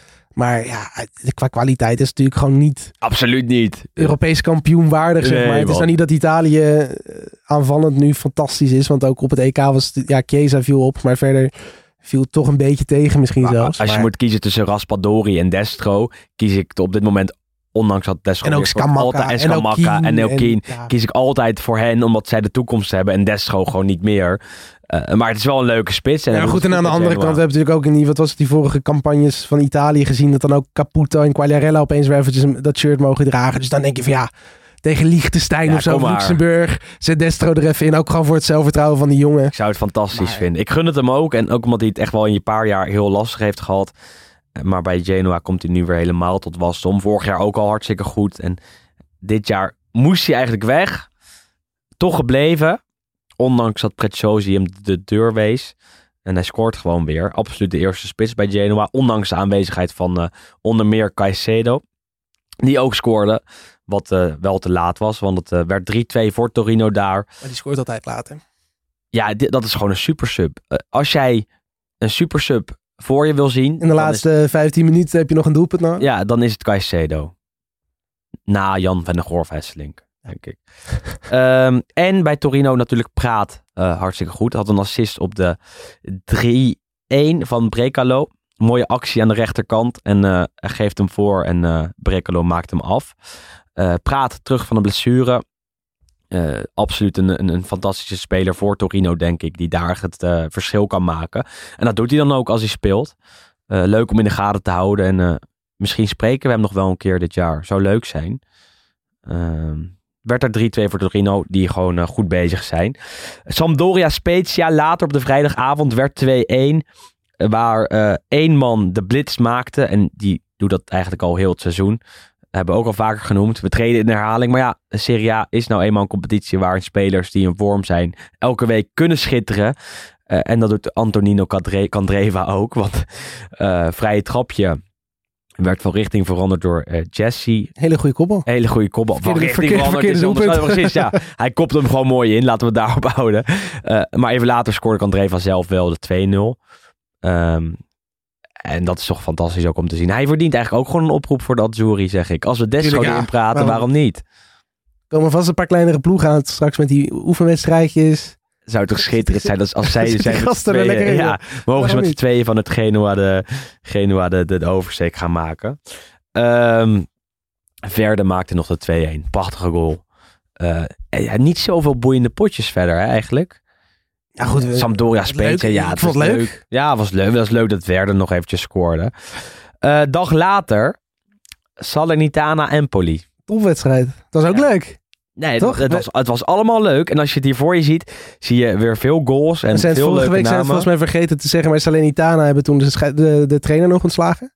Volgens mij hebben we dat niet genoemd. Hebben we wel genoemd. Ja. wel genoemd. Castori eruit en eh Colantuono erin. Gewoon zeggen dat we het genoemd hebben. Ja, nee, ik denk het wel hoor, eerlijk gezegd. Ja. Maar goed, Lekker debuut. lekker debuut. Je stond na 13 minuten stond je met 0-3 achter tegen je degradatieconcurrent. Ja. Uiteindelijk Forrest nog eh 0-4. Ja, Pinamonti en Cutrone. Toch een beetje de... Ja, hoe zullen we dat noemen? De, de, Suske en Wiske. de toenmalige toptalenten van Ja, het Italiaanse aanvallersgilde of Ja, zo. En goed, ja. die hebben natuurlijk niet echt waargemaakt. Ehm, nu wel met drie doelpunten. De tussendoor Richters en Ryan Babel Ja, bijvoorbeeld. Italiaanse voetbal. zat er ook weer een eigen doelpunt tussen. Strandberg in de, in de dertiende minuut. Heel veel eigen doelpunten sowieso dit weekend vijf. Panenkaatje trouwens bij de 0-4 van Pinamonti. Altijd goed. Tegen Belec van eh, Salernitana. Was een beetje boos. Was boos. Die kennen elkaar van een eh, gezamenlijke tijd bij Inter. En als een vriend dan... Of ik weet niet of het een vriend is, maar een, oud, meer. een oud collega dat een panenka doet, dan kan ik me wel voorstellen dat je boos wordt als het ook nog eens een 0-4 is. Coutrone, zijn eerste goal in, in, in hele, hele, hele lange tijd. Te hopen voor hem dat hij er nu weer een beetje in komt. En dat het verhaal van de ketchupfles eh, voor hem absoluut van toepassing is. Het eh, wordt hem gegund, want bij, bij zijn goal eh, juicht iedereen ook echt keihard mee. Uiteindelijk werd het 2-4. Ranieri, ook nog wel een leuk talent. En namens Salernitana en niet Smiley. Dan denk je nog even dat de comeback erin zit. En Juric kopte ook nog op de lat. Nee, die werd Ja, van, de werd van de lijn. Ja, volgens mij lat en toen nog van de lijn. ja, ja, maar het bleef 2-4. Empoli won daar. Empoli goed aan het jaar begonnen ook. Ja, sowieso een belangrijke zege natuurlijk. Je moet juist van, die, eh, van je concurrenten natuurlijk winnen daar. Voor hen wel jammer dat het nog wel 2-4 wordt. Want doelsaldo. qua, qua onderling resultaat is het natuurlijk interessanter als je dan met 0-4 of 0-5 wint. Ehm, maar dat is van latere, latere orde. Sassuolo Venezia. Heb Ook een leuke wedstrijd. Heb ik voor gezeten. Nee, maar ja. het was echt leuk. David 3-1. Okereke, die natuurlijk bij Club Brugge best wel flink is mislukt. ehm, werd op een gegeven moment, of tenminste eigenlijk was een diepe bal op Thomas Henry, die natuurlijk bij Leuven heeft gezeten. Eh, hij stond buiten spel. Achteraf bleek dat ook niet waar te zijn. Eh, maar David Okereke, ja, slim, die dacht van ik pak die bal gewoon af van hem, want ik sta zeker geen buitenspel. En eh, geweldige actie schiet hem in de rechterkruising. Toen dacht je van nou heel eventjes hoopt hij op een stunt, want Venetië begon best wel goed aan de wedstrijd. Miste wel ook een paar basisspelers, wat Johnson natuurlijk oud, eh, oud Ajax was geblesseerd, wel zijn contract verlengd. Eh Heijmans was er niet bij. Vakka was geblesseerd. Dus zeg maar drie, vier basisspelers waren weg. Dus dat was een beetje jammer. Eerste de beste kans van Sassuolo vloog er ook gelijk in. Berardi, hele goede goal met links. Ehm, en toen, ja, tweede helft, toen stoort het kaarthuis een beetje in elkaar. Eigenlijk vooral nadat Busio, die we natuurlijk ook wel aardig wat eh, ja, regelmatig hebben eh opgehemeld hier. Geblesseerd uitviel. Eigen doelpunt van eh, Thomas Henry. Eh, en uiteindelijk, eh, ja, Fratesi. Toch ook een hele mooie speler. Die ook al best Vaker wel genoemd. die ook al best wel lang het, het best wel prima doet. Monza vorig seizoen heel goed. Bij alle Italiaanse jeugd elftallen, als je onder 21, onder 20, onder 19, onder 17 allemaal een beetje hebt gevolgd de laatste jaren, staat hij altijd in de basis. Eh, ondanks dat hij nooit bij, echt bij een grotere ploeg heeft gespeeld eigenlijk. Dit seizoen bij Sassuolo, elke wedstrijd in de basis en nu zijn eerste doelpunt. Ehm, Echt een mooi talent. En, we, hebben hem vaker genoemd in het rijtje met Pobega. Maar ik denk dat dit twee van mijn favoriete Italiaanse talenten Ja, zijn van dit moment. Want Pobega duikt ook vaak op voor het doel, is fysiek sterk. Fratesi eh, is technisch heel goed. Heeft ook een rush in huis. Dat zag je bij, bij, bij zijn goal. En dat zijn echt wel twee namen die we in ieder geval bij de Italiaanse subtop kunnen gaan zien eh, de komende jaren. Eh, absoluut twee namen om in de gaten te houden. Eh, en Fratesi heeft gewoon een basisplek bij Sassuolo. En dat is natuurlijk ook wel de plek waar je je kan doorontwikkelen. Eh, hij zit Haroui een beetje in de weg. Dat is, dat Ja, is jammer voor Haroui. Maar goed, dat, dat, eh, ja, dat, dat kan je niet incalculeren. Want, want Fratesi breekt nu gewoon door. En Haroui zit daardoor op de bank. ja, Venetië helaas verloren. Twee doelpunten nog afgekeurd. Hadden de 3-2 en de 3-3 kunnen zijn van Francesco Forte. Heeft Ja. ook nog even in België gespeeld. Waasland Beveren. Maar Goed voor onze Belgische Helaas. luisteraars bij je. hè? helaas, helaas. Voor het Belgische linkje ben jij toch wel een, een, een must voor deze podcast. Want daar kijk ik toch altijd een beetje overheen, moet ik je eerlijk zeggen. Dennis Praat, hè, wel net genoemd, maar Wil je gelijk door naar Ruslan dat, Malinovski? dat of, iemand eh, voor, voor Leuven heeft gespeeld, ja, dat, dat weet ik gewoon echt niet. Eh, ja, absoluut. Volgende Ook een dag, Belgisch linkje. Atalanta Udinese. Eh, was heerlijk weer in Bergamo. Ik ging er ook even goed voor zitten. Het aangeknald om half één. Eh, was best een leuke wedstrijd. Atalanta eh, midweeks eh 2-0 voorgestaan bij Manchester United. Maar eh, die zegen niet over de streep kunnen trekken. Want het werd 3-2 voor United. Dan is het ook geen zegen. Dan is het een voorsprong natuurlijk. Ehm, nou ja, zondag om half één tegen Udinese. Thuis zou je zeggen dat moeten ze kunnen winnen. Maar je had al gelijk door dat Udinese makkelijk kon counteren. Vooral met twee namen. Molina op rechts, die echt een, een hele goede rechtshalf is.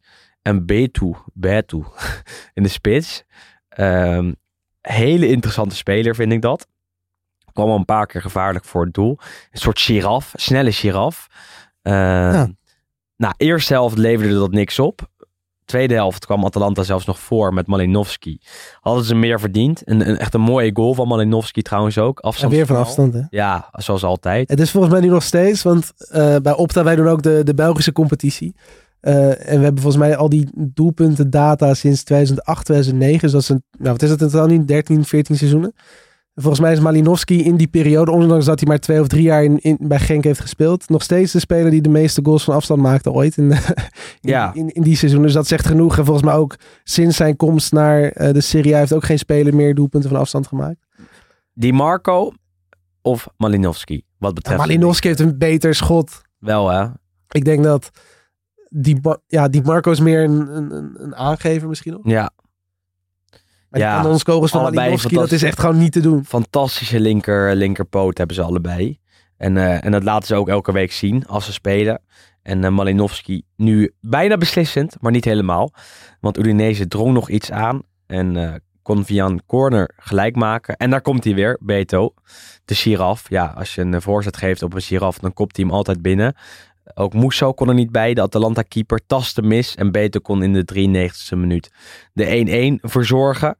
Waardoor Atalanta weer punten verspeelde. Ja, en we toch een beetje moeten gaan twijfelen aan hun seizoen. Staan inmiddels, eh, ja, we nog steeds, nou, moeten gaan twijfelen. Wel een klein beetje. Ja, goed, gewoon vooral het feit dat het niet meer zo overtuigend is als... Wel nog vijfde. 15 punten uit 9 duels. Het is niet echt indrukwekkend.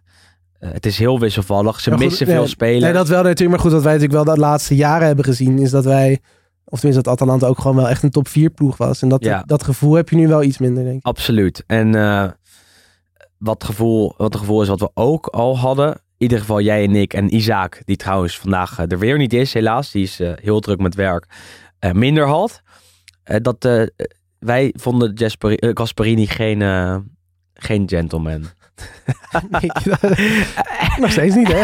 en Isaac wel. Nee, Gasperini werd weer weggestuurd. Die was weer woedend op de scheidsrechter. Eh, de zoveelste trainer hè, dit weekend. Eigenlijk de eerste was hij. Die, eh, Het waren er vier die dit... Ja. eh, er waren ook inderdaad een paar mooie dingen. Want het was dus het eerste weekend sinds hele lange tijd dat er vijf eigen doelpunten waren. Het was de eerste weekend ooit... Want trainers worden nog niet zo heel lang naar de tribune gestuurd. Dat er überhaupt vier trainers naar de tribune zijn gestuurd. En het was het eerste weekend ooit dat er dus meer trainers dan spelers van het veld werden gestuurd. ja, Dus wat dat betreft was het al eh, een, een, een los stadion opname. Absoluut, absoluut. En, en Gasparini werd weggestuurd. Zij na afloop, wat jij eerder deze podcast ook zei, dat de scheidsrechters moeten praten en beschikbaar moeten zijn. En, en dat was hier ook weer niet het geval volgens hem. Eh, neem niet weg dat Gasparini te vaak naar de tribune wordt gestuurd. Het gebeurt hem elk seizoen wel 1 à 2 à 3 keer. Eh, en nu ook tegen Udinese. Eh, en het bleef 1-1. Teleurstellend resultaat voor de Bergamaschi. Voor de Orobici.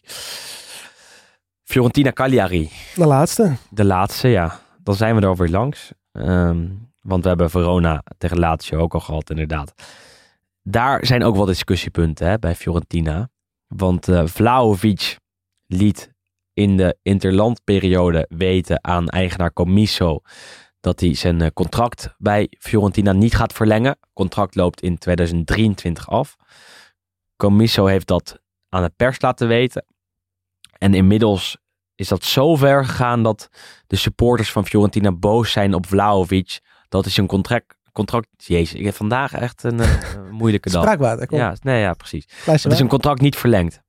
Maar het contract loopt in 2023 af. Ja.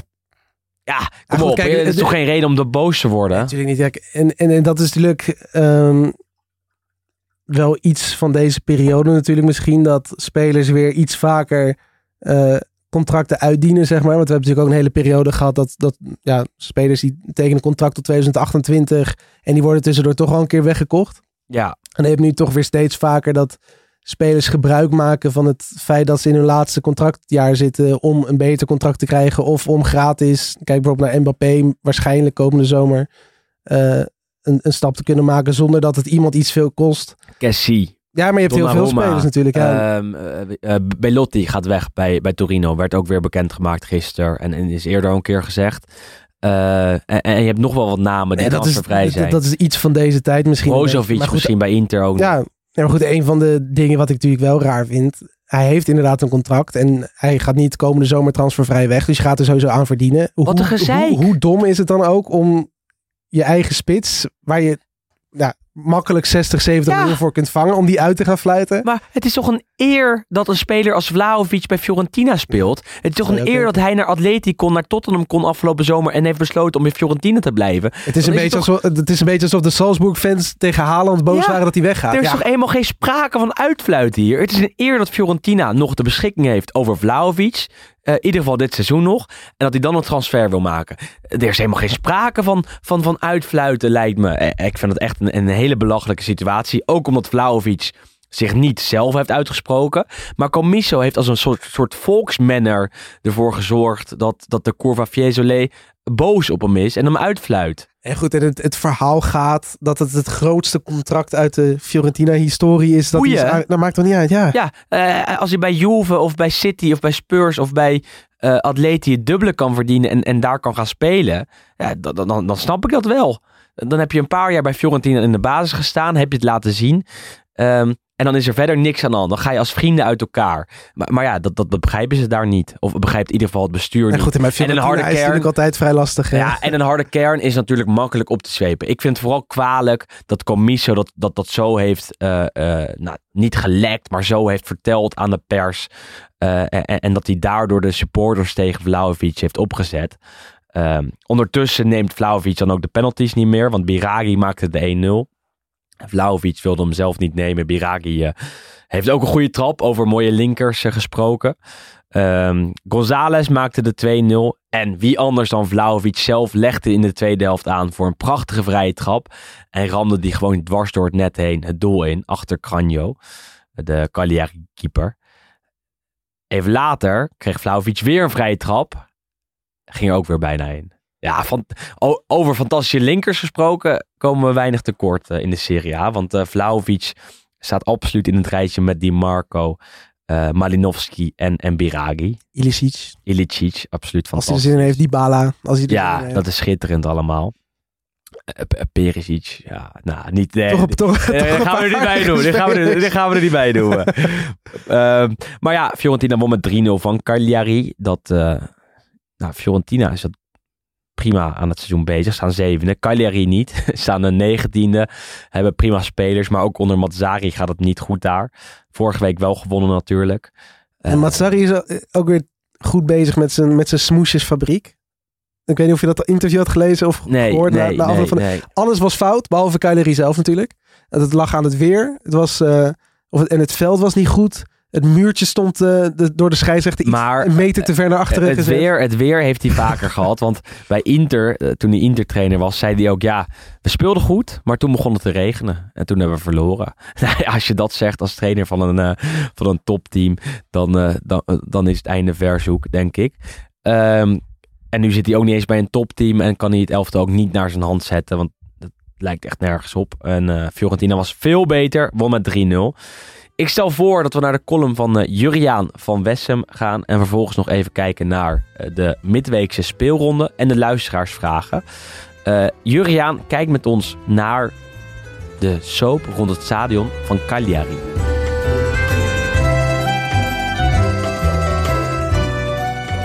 In deze midweekse speelronde staat Cagliari AS Roma op het programma. En onbewust denk ik dan meteen aan Quartus Elena. Een voorstad van Cagliari en aan het kunstmatige stadion Is Arenas. AS Roma boekte daar een van de meest sluwe overwinningen in de geschiedenis. Aan het begin van het vorige decennium vormde de Sarde een extreem lastig hindernis voor de Romeinen, vooral wanneer het een thuiswedstrijd van Cagliari betrof. In 2011 werd het 5-1 en een seizoen later werd het 4-2 voor de Sarden. Roma had dus geen zin om op 23 september 2012 deze uitwedstrijd te spelen.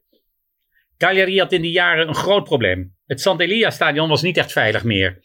Maar de gemeente Cagliari gaf Massimo Cellino, de voorzitter van Cagliari, geen toestemming om een nieuw stadion te bouwen. In de buurt van de luchthaven zouden de lichtmasten te hinderlijk zijn voor het vliegverkeer. Dus zocht de flamboyante voorzitter, die de club op een hoog niveau staan hield, naar een plek om uit te wijken om tijdens de bouw van een nieuw stadion toch in de buurt van Cagliari de thuiswedstrijden te kunnen spelen. Er werd gekozen voor de renovatie van het stadionnetje in de voorstad Quartu Sant'Elena. Eigenlijk zette Cellino de gemeenteraad van Cagliari, die hem lang had tegengewerkt met deze actie buitenspel. In Quartu had men geen bezwaar. Er werd daar snel een prefab stadion gebouwd dat voldeed aan alle eisen van de Serie A met een capaciteit van 16.000 zitplaatsen. Maar de regio was niet echt gelukkig met het feit dat Cellino zomaar de politiek een hak had gezet en begon procedures om de bouw tegen te houden. Een voetbalclub heeft echter haast en zo werd in september 2012 het stadionnetje geopend. De regio weigerde echter toestemming te geven voor toeschouwers bij de wedstrijden. Cagliari speelde de eerste wedstrijd zonder publiek tegen Atalanta. Dat ging nog net goed. En toen stond Cagliari AS Roma op het programma. Nog altijd had de prefect geen toestemming gegeven voor het openen van de Is Arenas voor publiek. Cellino counterde dit besluit door de fans op te roepen om toch maar naar het stadionnetje te komen.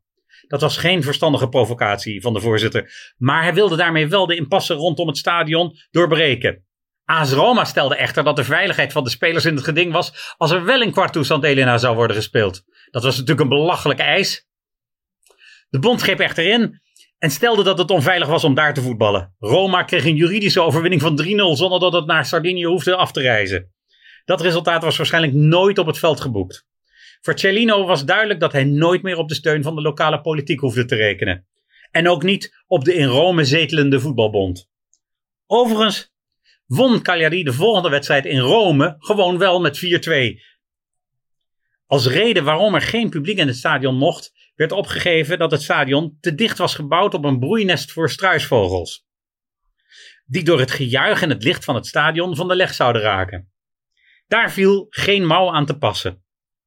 Dat Cellino het stadion had laten bouwen was tegen enkele voorschriften. En toen na een wedstrijd tegen AC Milan inmiddels met publiek, want de broeitijd was voorbij, het stadion ook nog eens onveilig bleek, werden de voorzitter van Cagliari en de burgemeester van Quartu aangehouden. Ze brachten drie maanden door in de gevangenis. Cagliari maakte het seizoen af in Triest. Nu treffen beide clubs elkaar op een ander prefab stadion in de schaduw van de betonnen resten van Sant'Elia. De Sardegna Arena, want ook na het vertrek van Cellino heeft de gemeenteraad van de Sardische hoofdstad nooit begrepen dat de lokale voetbalclub ook een uithangbord voor de stad kan zijn als het speelt in een echt stadion. In ieder geval hebben de tribunes van Isarenas een tweede leven gekregen in de huidige noodopvang. En dit verhaal is wel het voorbeeld van hoe in Italië voetbalclubs en investeerders met stadionplannen het slachtoffer zijn van de Italiaanse bureaucratie.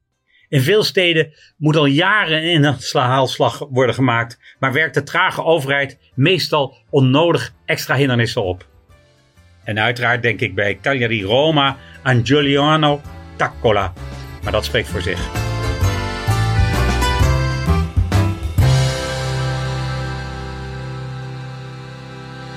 Ik kan me nog wel een uh, Cagliari Roma herinneren. Toen de Cagliari met negen man stond. En wel een punt pakte. Of een punt pakte, toch? Ik weet, Met in- Marco Sau. Heel laat in de wedstrijd. Ja, dat was... Goeie wedstrijd. Maar dat, ja, het is ook gewoon die naam van het stadion. Hè? Want je, het, het is nu de Sardegna Arena. Dat dat vind ik toch al tof. Ja, En dan is het nu voor de komende tien jaar wordt het de Unipol Domus. Ja. Denk je, ja, hou op joh. Toch? Ja. Klaverbladverzekeringenstadion of weet ik veel. Ze maakten gelijk met, eh met, met de negen man. Ja. Schena en Cipitelli rood in de negentigste minuut. Vervolgens werd Sau weggestuurd omdat de Roma-verdediging stond te slapen. En die maakte, die maakte af. Marco Sau heb ik ooit nog voorspeld als topscorer van de, de Serie A. En toen scoorde hij drie keer in het hele seizoen. Dus ja, dat is gewoon een mooie naam. Je speelt niet bij eh Spezia, toch? Of niet? Bij Benevento speelt hij. Oei. Ja, ja, bij Benevento. Dan heb ik een transfer gemist. Hij zit in, eh, in de Serie B. Ehm, nou ja, op zich wel een aardige midweekse speelronde. Weinig echt mooie duels. Vanavond een, eh, een derby. Spezia Genoa.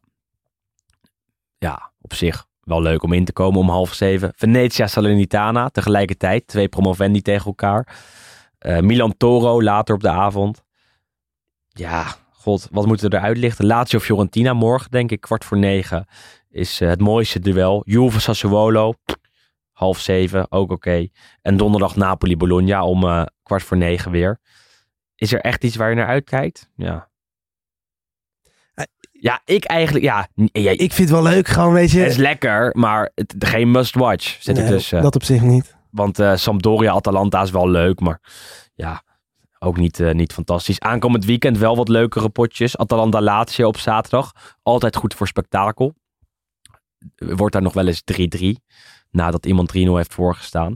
Verona tegen Juve. Afgelopen twee jaar won Verona van Juve. Dus eh, best wel een lastige kluif voor de Bianconeri.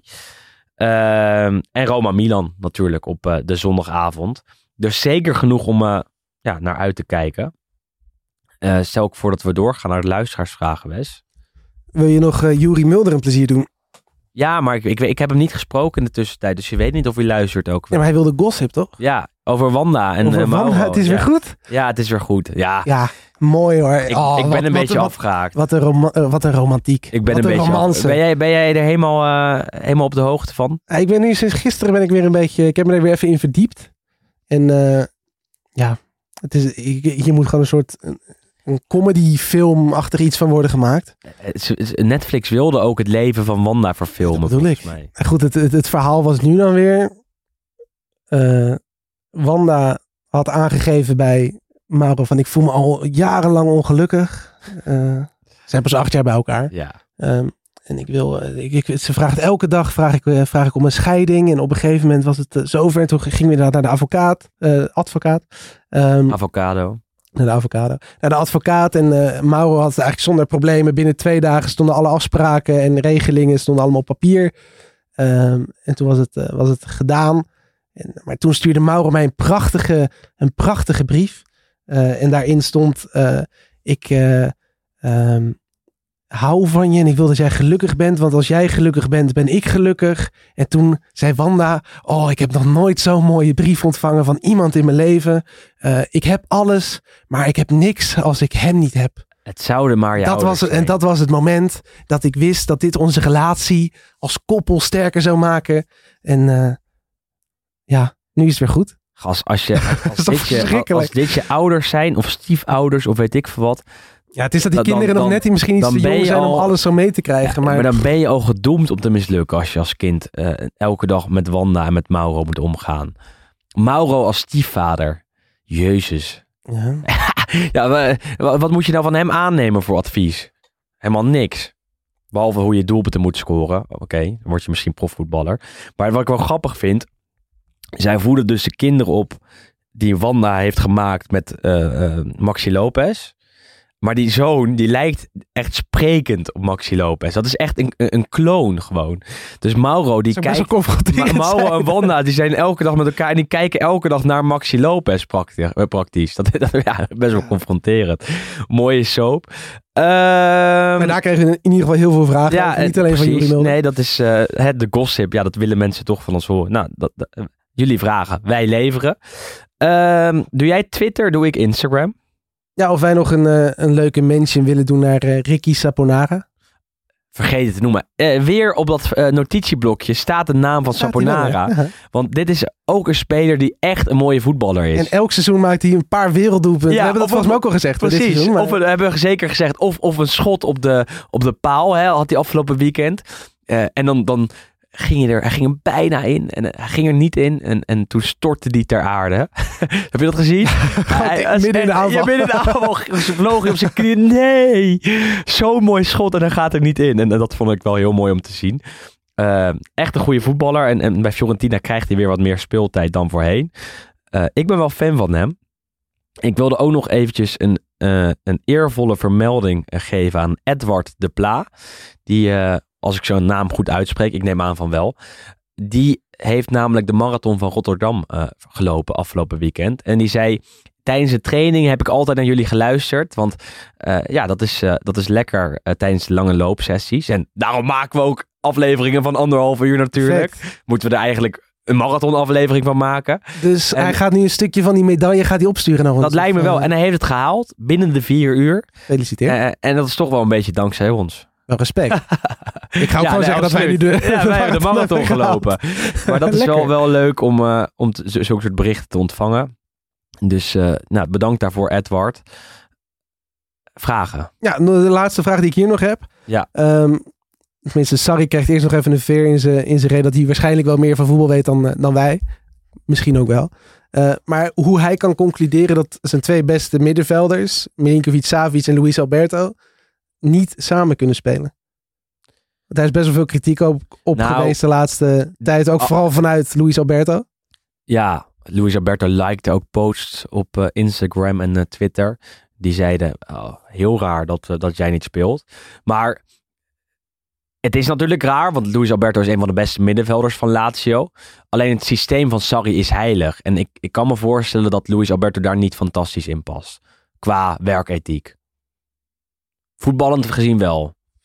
Maar in mijn elftal zou Luis Alberto altijd spelen. Maar ik denk dat de, de, de, de, gedachtegang van Sarri is... Ja, eh Luis Alberto is een beetje wisselvallig de afgelopen anderhalf jaar. Verdedigt niet fantastisch mee. Eh, dus ik, ik gebruik hem daar niet voor. eh, voor de, de, de, de potjes in deze fase van het seizoen. Wat jij? Ja, ik, ik, ik, probeer het te verklaren. hè. Het is niet mijn, mijn gedachtegang. Ja, goed, op zich is het natuurlijk niet zo heel gek. Want spelen 4-3-3. En eigenlijk zijn en Savic en Luis Alberto natuurlijk nummers 10. Dus dat betekent dat je eigenlijk nog maar één middenvelder over hebt daarachter om alles op te ruimen. En dat is, ja, dat doet Sarri eigenlijk niet zo graag. En Leiva kan dat niet in zijn eentje oplossen. En Cataldi ook niet. Dus je hebt een, een, een iets sterkere... eh, een iets sterker blok daar nodig. En, en, en dan valt Luis Alberto sneller af dan Milinkovic Savic. Dat kan ook me wel. Ja, dat, wel is dat, klopt natuurlijk. Maar het, het blijft wel raar dat hij misschien ook los van zijn sy- systeem in ieder geval beweert dat ze niet samen kunnen spelen. Want ze hebben natuurlijk al vaak genoeg bewezen dat het wel kan. Exact. Ik heb geen vragen meer. Behalve dat we Filip Joos een keer moeten uitnodigen. Dat, dat bericht krijgen we ook. eh, nou, ik denk wel drie keer per week. Eh, lijkt ons leuk. Misschien voor later in het seizoen. Als we weer een keer een special maken. Hebben we tot nu toe telkens niet voor gekozen. Ehm, misschien gaan we wel een keer naar België. Nemen we op in de studio van eh, Friends of Sports. Wat natuurlijk onze producent is. Samen met FC Afkikken. We nemen op in de studio van Microphone Media. Een hele ingewikkelde, leuke ons- constructie. Waardoor wij deze podcast nog steeds kunnen maken. Een mooie collab. Ehm, en we kregen ook de vraag wie het shirt heeft gewonnen. Nou, dat is Melvin Lindenboom. En dat hebben we vorige week ook al gezegd. Ehm, goed dat jullie eh, luisteren. Voor nu zeg ik, like ons eventjes op eh, alle kanalen waarop we te vinden zijn. Rate ons, recenseer ons. Laat vooral weten op Instagram, Twitter, noem het allemaal maar op, wat je van ons vindt en wat we beter kunnen doen. Of als je suggesties hebt voor een gast zoals Filip Joos, dan is dat altijd welkom. Ehm, ja, Wes, dat was het alweer, denk ik, voor deze week eerlijk gezegd, toch? Tenzij jij nog een eh, hele belangrijke toevoeging hebt. Trucjes zijn altijd welkom. Ja, dat vinden we leuk. Ja, bepaalde trucjes. Nou, dat was hem. Who knows? Bepaalde trucjes. Ja. Laten we het zo, zo vaak mogelijk houden. Dat klinkt heel fout. Oké, bedankt voor het luisteren. Wij zien jullie eh, volgende week, of horen jullie volgende week heel graag terug. Tot dan. Tot de volgende.